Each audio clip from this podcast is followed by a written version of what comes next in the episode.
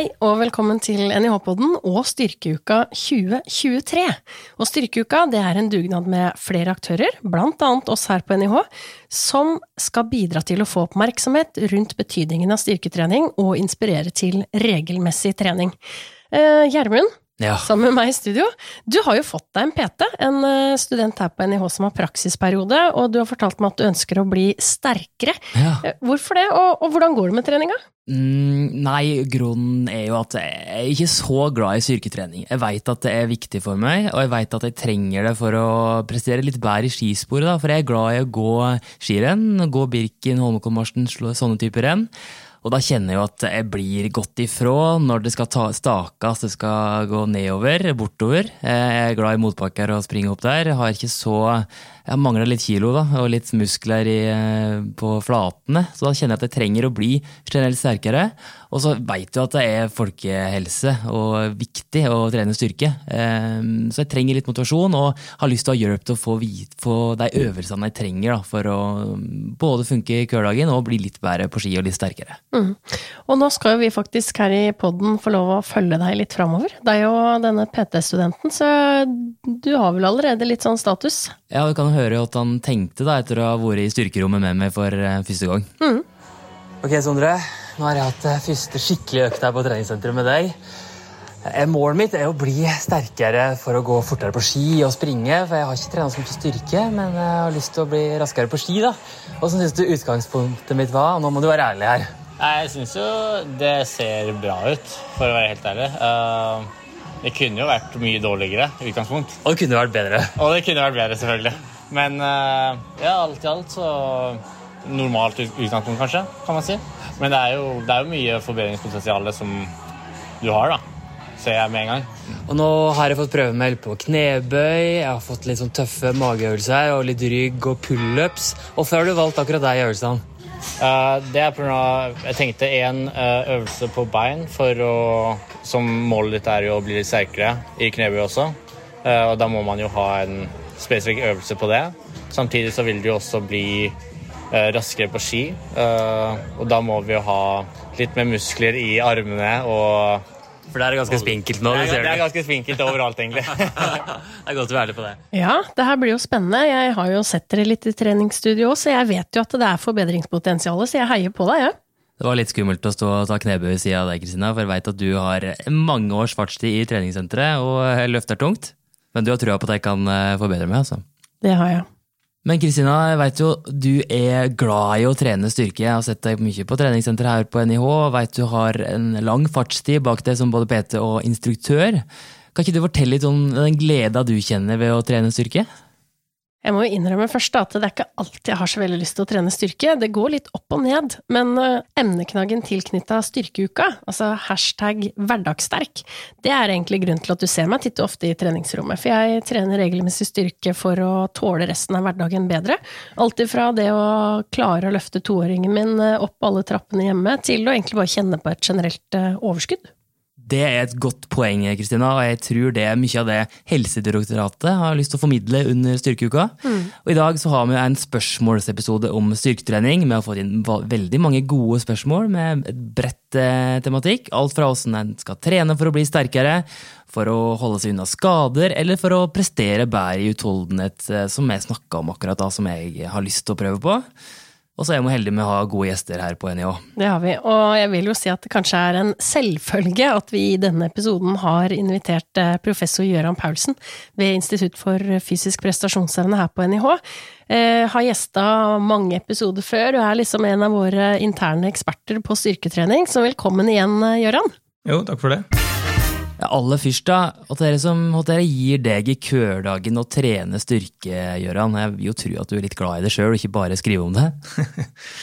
Ja, jeg har vært mest glad i å sykle de siste åra, men jeg har faktisk begynt å trene litt mer styrke nå de siste ukene. Så, men eh, nei, jeg syns det er eh, gøy å kjenne framgang, da. Så kjenne at kroppen virker, og at eh, det du trener på, det får du noe effekt av.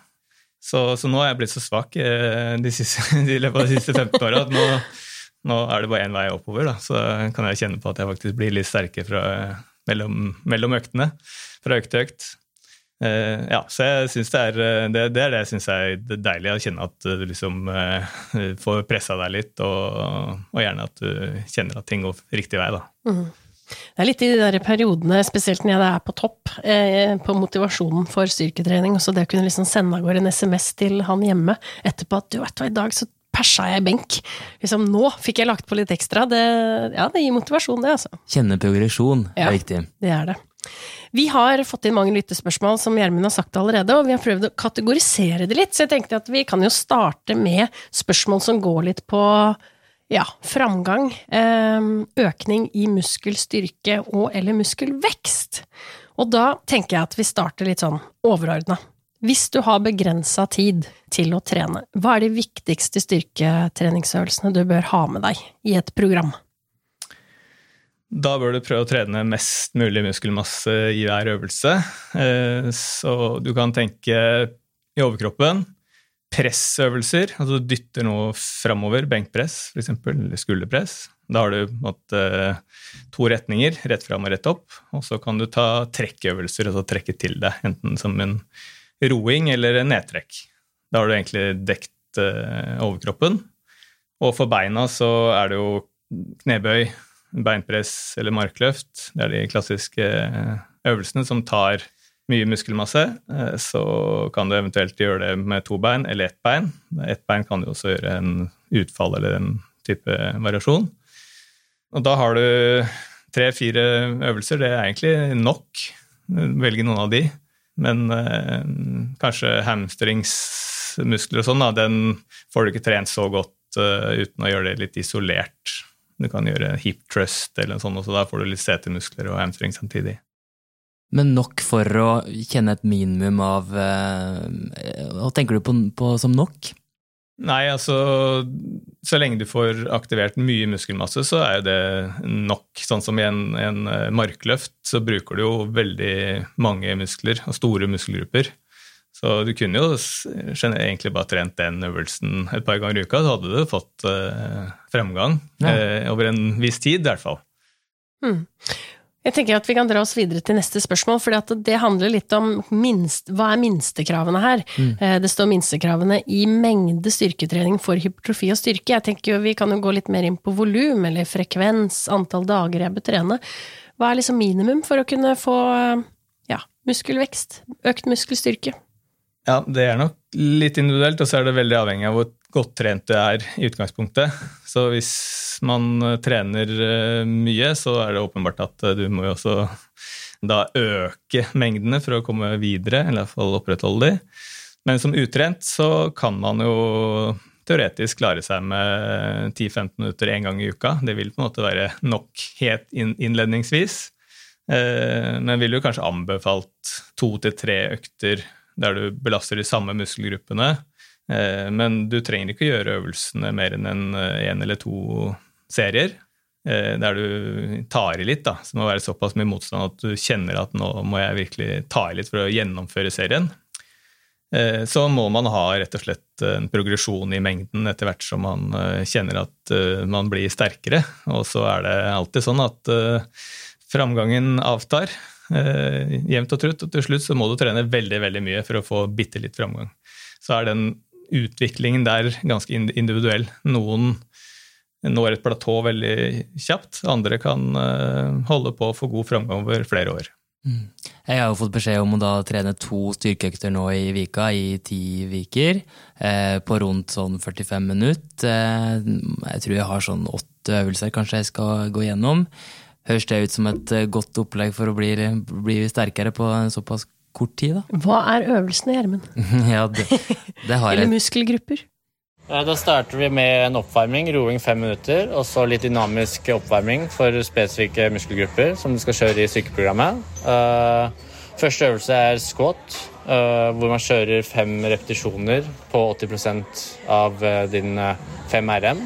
Det, og så kjører du etter squaten så kjører du pullups som en B-øvelse. Eh, der kjører du maks antall pullups, eh, tre serier der. Og så går vi videre til dips og cable crunches. Eh, på dipsen så kjører du med vekter, og der kjørte vi Det ble vel fem reps. Ja. Og vi, hadde, vi starta jo med ti kilo, men måtte gå ned til fem for å få bedre bevegelse i øvelsene. Etter det så kjørte vi upper back row, som det heter, eh, hvor man ligger på en benk og ror eh, mot benken.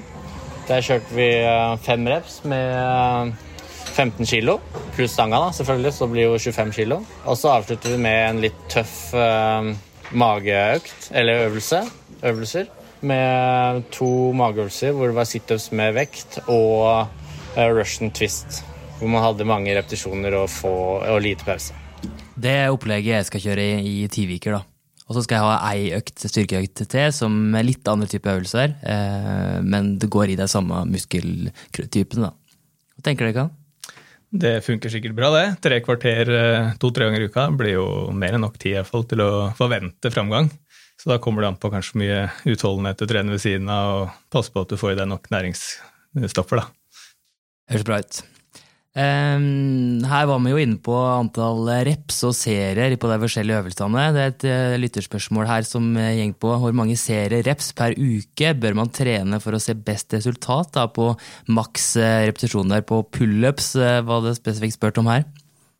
Ja, eh, den er jo litt utfordrende, for det er liksom kroppsvekten da, som er motstanden. Så skal du heise deg opp. Det er sånn jeg leser eh, mm. spørsmålet. Mm.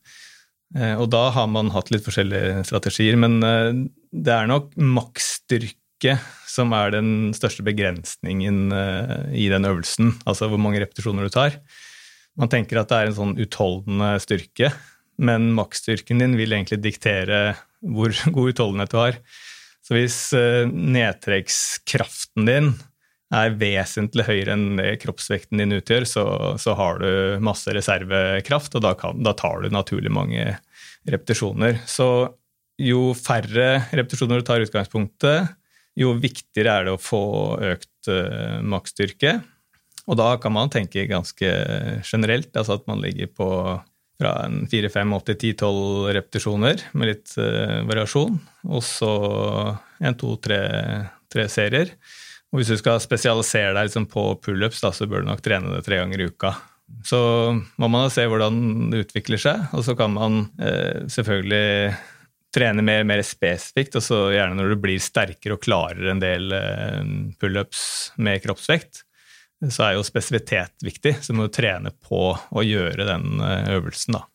Men eh, jeg tror eh, mange tenker utholdenhet når det egentlig er maksstyrke som er begrensningen her. og du må nødvendigvis også ha en del muskler i overkroppen da, for å oppnå økt maksstyrke. Så det er et litt sånn langtidsprosjekt hvis du virkelig skal ta, gå fra null til mange 20-30 pullups. Jeg tror jeg brukte to år jeg, på å gå fra to til åtte en gang i tida. Ja. Eh, jeg kan jo videre spørre, jeg spør for en venn, hvis du da har stagnert, så det du kjører hver eneste uke er eh, tre ganger åtte til ti reps, men da sier det stopp, og sånn har det mm. vært i flere år. What to do? Jeg tror igjen mange er frista til å tenke utholdenhet, men altså det er antakeligvis maksstyrken som er for lav. Altså da må du kanskje bruke noen andre øvelser, da, nedtrekksvarianter Eh, som du kan trene tungt. Og, og, hvis du skal bygge litt muskler, så vet du at det er litt fint med litt variasjon, ha litt forskjellige grep. Trene litt uh, roøvelser, du kan trene litt isolerte armbøyer. Uh, litt uh, sånn, og så får du se om du klarer å sette det sammen igjen etter hvert. Men du vil nok kjenne at uh, butter, hvis du bare skal prøve å gjøre det samme om igjen og om igjen, altså gjøre bare pullups, så kommer det opp på et visst nivå, så, så, stopper det. Så da må du bryte det opp med noen noe hjelpeøvelser. Dorthea her har òg et spørsmål som går litt i det, det vi snakker om nå. Eh, kan en se resultater om en trener én over- og én underkroppsøkt i vika, eller er det for lite? Eh, man kan se resultater, helt sikkert, men jeg ville anbefalt å trene i samme økt. Ja. Eh, fordi når du trener såpass sjelden, så kan det være en synergieffekt til å trene flere muskelgrupper samtidig. Vi gjorde jo en studie for mange år siden og vi tok sammenligna det å trene én serie mot tre serier. Og da så vi faktisk at det som ga best totalt utbytte, var at det holdt med én serie på overkroppen når du trente tre serier på beina. Ja. Hvis du gjorde det omvendt, så fikk du litt dårligere effekt i overkroppen, altså tre serier på overkroppen og én på beina. Eh, så om det gjelder for alle i alle trenings...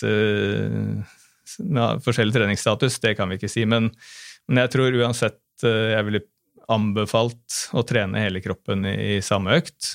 For det er en del øvelser også som, som binder liksom underkropp og overkropp sammen, da, som vi var innom med markløft og sånne øvelser som, som er veldig fine. da, Å binde, binde det sammen. Så vil det si at i den studien dere gjennomførte, så fant dere kun en økning i prestasjon i overkroppen av ett sett kun hvis du trente bein samtidig? Nei, jeg fant faktisk effekt uh, holdt jeg på å si uansett. Okay. Mm. Men jeg fant bedre effekt. Mm. Uh, med altså tot, Totalt sett, da. Så den beste kombinasjonen var én på overkropp og tre på beina. Vi hadde du tatt tre på overkropp og tre på beina, det testa vi ikke. Mm.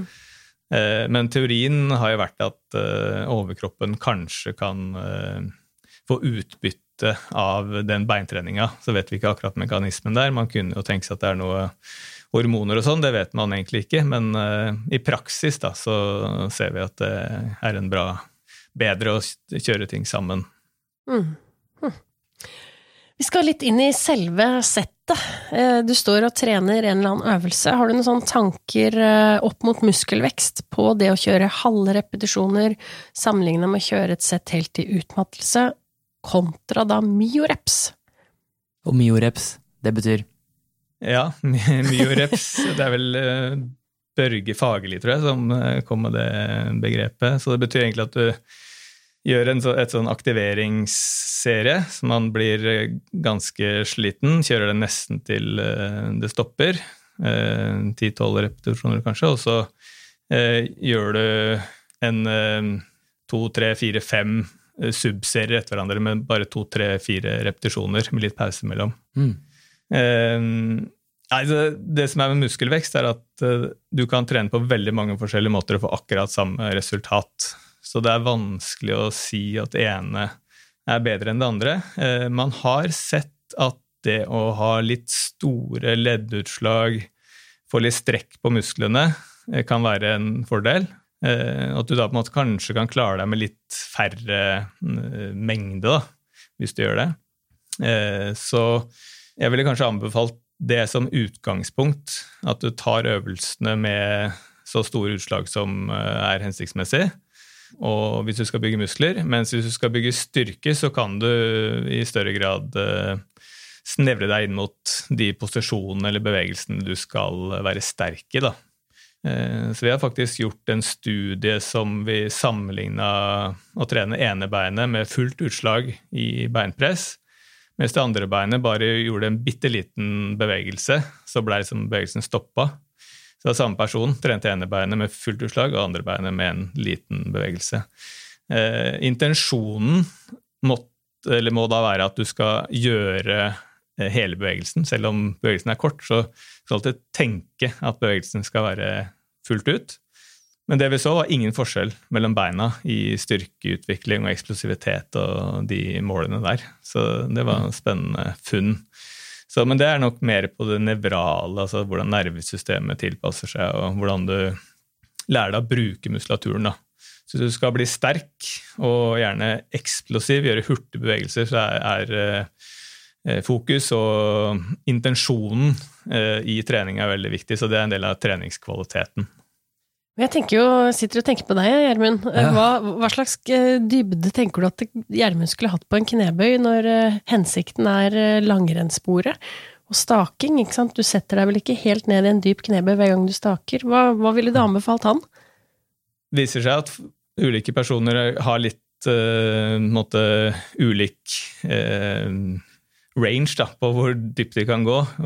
vanskelig måte å si det på. Men ja. uh, det kan være teknisk vanskelig å komme godt ned i en knebøy. Så jeg ville hatt, liksom, hatt det som utgangspunkt, at du kan ta en knebøy med god teknikk. Men som i en startperiode så tror jeg jeg ville anbefalt å ha stort utslag og prøve å bruke hele, altså mest mulig av den bevegelsesutslaget du har. Eh, for å lære øvelsen og få mye arbeid per repetisjon. Eh, på den måten så slipper du også altså tunge vekter på, for jo mer, det, mer arbeidsvei, jo tyngre blir det for deg. Mm -hmm. Og så kunne du, når du kjenner at du mestrer det her og, kommer i gang, så kunne du lagt på litt mer vekt og så tatt et litt mer spesifikt utslag da, som ligner det du har i, i staking. Så, så, det ville vært en progresjon å gå mot en mer spesifitet. Ikke sant.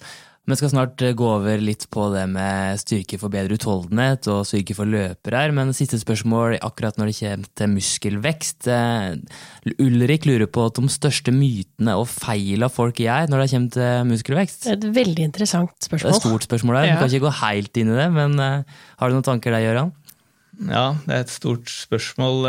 Nei, det er nok kanskje at Eh, man tenker det er spesielle metoder er nødvendig for å nå, oppnå muskelvekst. Det var som jeg akkurat sa, at det, eh, viser seg å være eh, stort eh, slingringsmonn for ulike metoder. Så man skal ikke låse seg til én måte å trene på. Og kanskje nettopp det å, å ha litt variasjon i treninga er bra. At man både løfter litt med litt lettere vekter og pusher seg litt der i at man eh, lar det svi litt godt i musklene, og så noen økter som man trener eh, litt eh, tyngre. Og så er det vel kanskje at jo mer, jo bedre. Altså vi, kroppen og musklene har på en måte en grense hvor mye de kan stimuleres hver gang du trener. Så det hjelper ikke å trene 15 serier på samme muskelgruppa i en økt, for da har du på en måte satt skrudd på 100% aktivering. Det, det, du gjør utover det, det blir bare det man kan kalle bortkasta serier, eller wasted sets. Det er noen som har brukt et begrep der. Og det gir lengre restitusjonstid mm. uten at du får bedre effekt. Og kanskje det til og med gir dårligere effekt, da, fordi at du måte, sliter mer på systemet enn nødvendig. Eh, så det gjelder på en måte å være tålmodig og tenke at uh, to-tre økter i uka på samme muskelgruppe, det er egentlig det man uh, tåler. Uh, man kan trene oftere, og da må man trene mye mindre hver gang.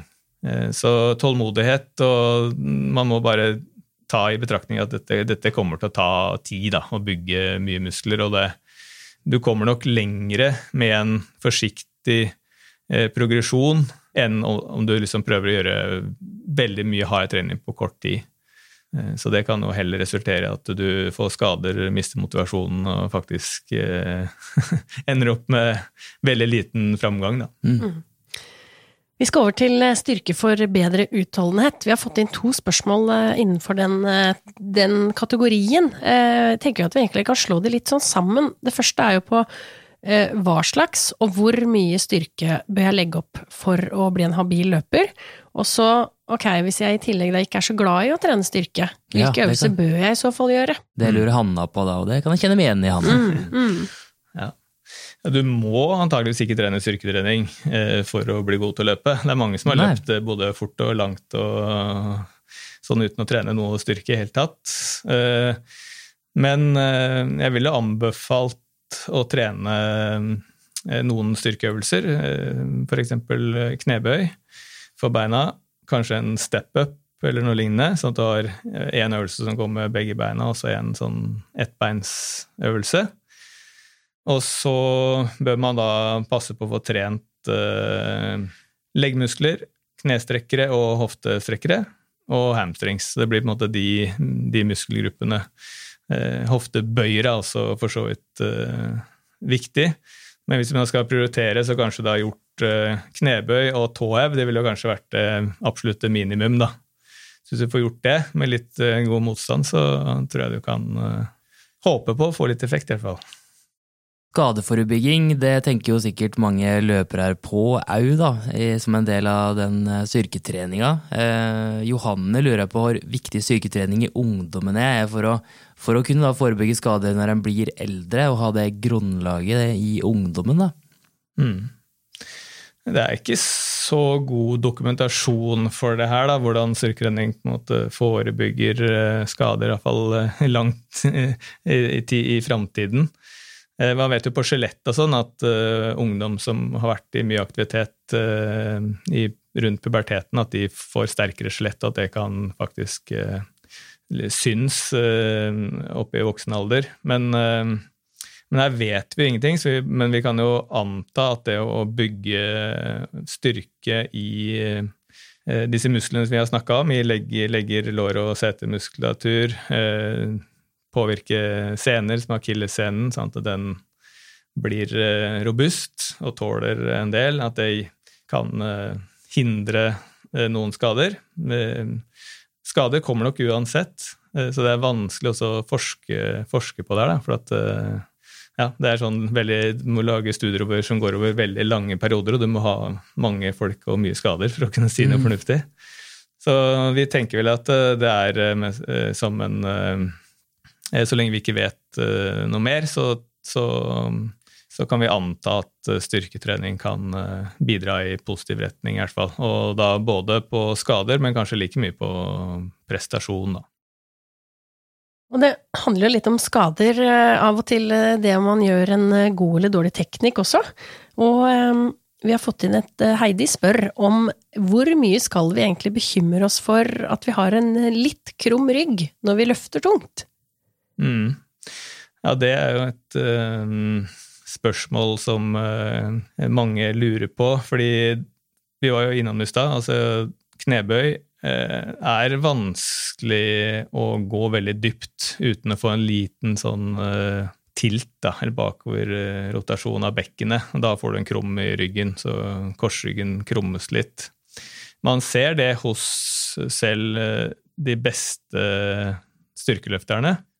Og vi har også gjort noen studier på det. Vi undersøkte beinstrukturer beinstruktur i både hofte og lårbein og lårhals og det ene og det andre, men klarte ikke å finne noen sammenhenger mellom de som hadde en litt sånn tilt i bekkenet under knebøy, og hvordan det så ut. Så det var jo litt det var interessant. Så det kan være en, dette kan være en blanding av strukturelle forutsetninger eh, og muskelkoordinasjon. Men eh, man er usikker på hvor eh, skadelig det er. Eh, Vektløfting og styrkeløft det er en del skader i ryggen, eller ryggplager, men ikke noe særlig mer enn i andre idretter. Så vi kan tenke at selv ved veldig høye treningsbelastninger og treningsmengder, så, så går det greit.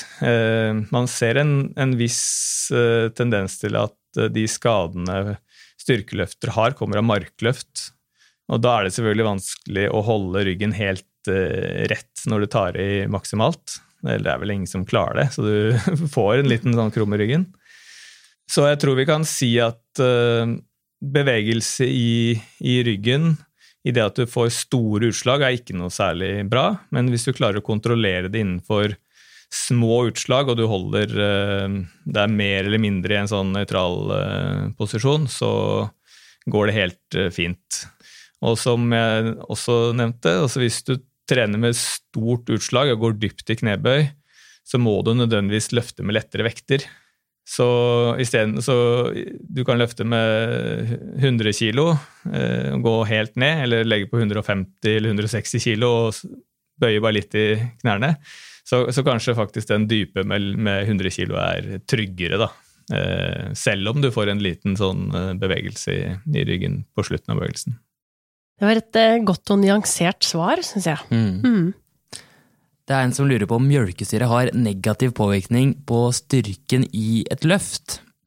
Mm. Ja, og kan jo noen gå inn og lese bloggen jeg skrev om melkesyre, da. Så, at, så vi bare sier at det er laktat isteden. Ja, myten om mjølkesyre heter det ikke det? På, ligger på NIH.no. Bare søk opp der. Ja. Eh, nei, altså når du trener styrketrening, så skal du produsere mye laktat. Fordi det er en høyintensiv eh, treningsform, så musklene bruker eh, sukker, da, eller glukose, i energiomsetningen. Og da, jo mer, til høyere energiomsetning, til mer laktat får du. Så det trenger man egentlig ikke å bekymre seg så mye for. Det er nesten sånn Hvis du ikke får det, så er det mer negativt, for da trener du ikke hardt nok. Mm. Eh, så ser man jo mange positive effekter av laktat. Man har gjort noen studier som tyder på at kanskje laktaten i seg sjøl har en effekt på signaleringen i muskel. Der eh, har det vært noen studier litt sånn fram og tilbake, så man vet ikke helt sikkert. Eh, og så har man også sett at eh, laktat eh, som går fra muskelen over blodet og inn i hjernen, er med på å sette i gang noen av de positive effektene av trening på hjernen og hukommelsessenteret osv. Så, videre. Ah. så ikke tenk på det. Det er bare å trøkke til og få så mye laktat du vil, holdt jeg på å si. Det er jo deilig å høre. Eh, Ja, så det, Det brenner litt i låra, det gikk fint. Ja, så, så det er jo en indikasjon på selvfølgelig at når det brenner i låra, så kan, er nok ikke laktaten i seg sjøl, men det kan jo være endringer i surhetsgraden og eh, nedbrytning av energi, nærings, eh, altså, ja, nedbrytning av næringsstoffer da, som eh, frigjøres ut av, av muskelen, som påvirker nerveendene da, samtidig med at det svelger litt, og sånn, så får man den smerteopplevelsen. Og vi har jo på blokka at vi har litt lyst til å ha en episode om alle disse mytene rundt melkesyre ved en seinere anledning. Den kommer. Mm. Vi, har, eh, vi har igjen et par spørsmål. Nå skal vi gå litt mer spesifikt opp mot idrett, og da volleyball hos unge 15-19-åringer. Hvordan ville du ha bygd opp styrketreningen over en eh, ett- til treårsperiode for volleyballspillere 15-19 år? Ja, det er et stort spørsmål igjen. Jeg ville i hvert fall, hvis vi holder oss litt sånn til styrketrening, da, så, for det blir jo selvfølgelig mye volleyballspilling som vi ikke skal komme inn på. Men uh, volleyball er jo en poweridrett, eller som krever mye spenst eh, og, og hurtighet. Selv om du ikke skal løpe, så skal du reagere kjapt og forflytte seg noen meter veldig hurtig. Og så skal man ha litt kraft i overkroppen nå til å smashe ballen. Eh, Så her, her ville jeg tenkt begynt egentlig så tidlig som mulig med innlæring av eh, styrketrening, gjerne før eh, 15 år. Der man lærer seg de grunnleggende teknikkene for styrketrening. Og så hatt jevn, forsiktig progresjon opp gjennom uh, ungdomsåra der. Uh, legge på lite grann. skyndte seg, holdt jeg på å si, langsomt. Uh, volleyball er jo en veldig teknisk idrett, så det har ingen effekt om du legger på deg ti kilo muskler sånn eh, på noen måneder. Da vil du få Kanskje bli dårligere volleyball, til og med. Men om du legger på deg kanskje en, en kilo i muskelmasse i året eller noe sånt nå, eh, så, så vil du da kunne innarbeide de nye ressursene i teknikken, og du vil liksom få et eh, fint sånn samspill mellom, i, i den fysiske utviklinga, da. Det, det, ressursene og det motoriske. Og så må man jo se mm, ulike utøvere av ulike behov. Så er dette kvinnelige utøvere, så kanskje styrketreningen er enda viktigere enn hvis det er eh, gutter eller menn. Ja. Godt svar på et stort spørsmål om, eh, om volleyball. Eh, Vegard lurer på det optimale proteininntaket for auka muskelmasse. Mm, ja, det er eh, Litt kosthold på slutten her. Ja, litt kosthold. Ja, nei, eh, det er, ligger på rundt uh, ett og et halvt eh, til to gram eh, protein per kilo kroppsvekt per døgn, da. Så viser det seg vel at det ikke er så viktig hvordan du inntar eller fordeler det utover dagen, men at du, om du spiser tre ganger eller fem ganger, så må du måtte bare få det jevnt utover. Da er man, på, da er man nok på sikre sida, i hvert fall hvis man er helt oppi to gram per kilo kroppsvekt. Men eh, ja, så, så man går litt på proteinkvaliteten, da, så vil det være kanskje en del animalske produkter være sikrere for å få høy kvalitet enn animalske, selv om det går også helt fint, men du må være litt nøyere på hva slags grønnsaker og sånn du setter sammen da, sånn i et uh, måltid. Men ingen grunn til å overdrive, og hvis du trener hardt og bruker mye energi, så spiser du naturlig mer, og da vil man ofte komme opp i de mengdene med protein uten å egentlig gjøre veldig eh, spesifikke tiltak, da.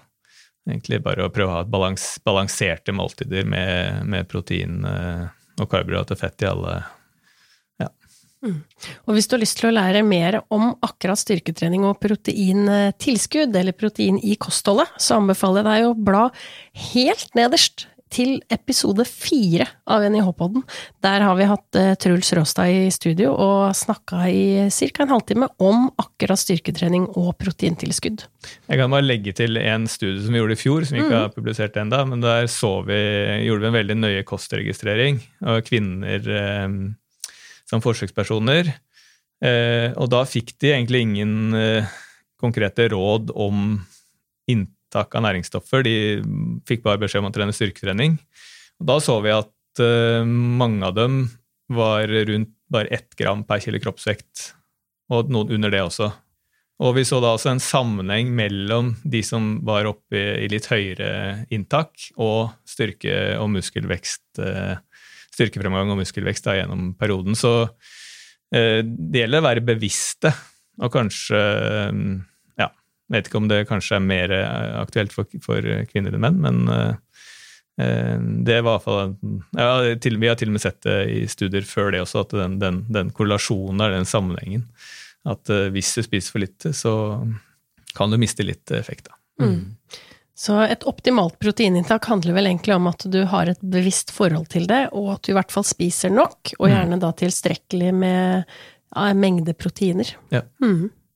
Veldig mange gode spørsmål som mm. jeg har fått inn til dagens eh, Q&A-episode om eh, styrketrening. Veldig mange gode svar fra Gjøran her i studio.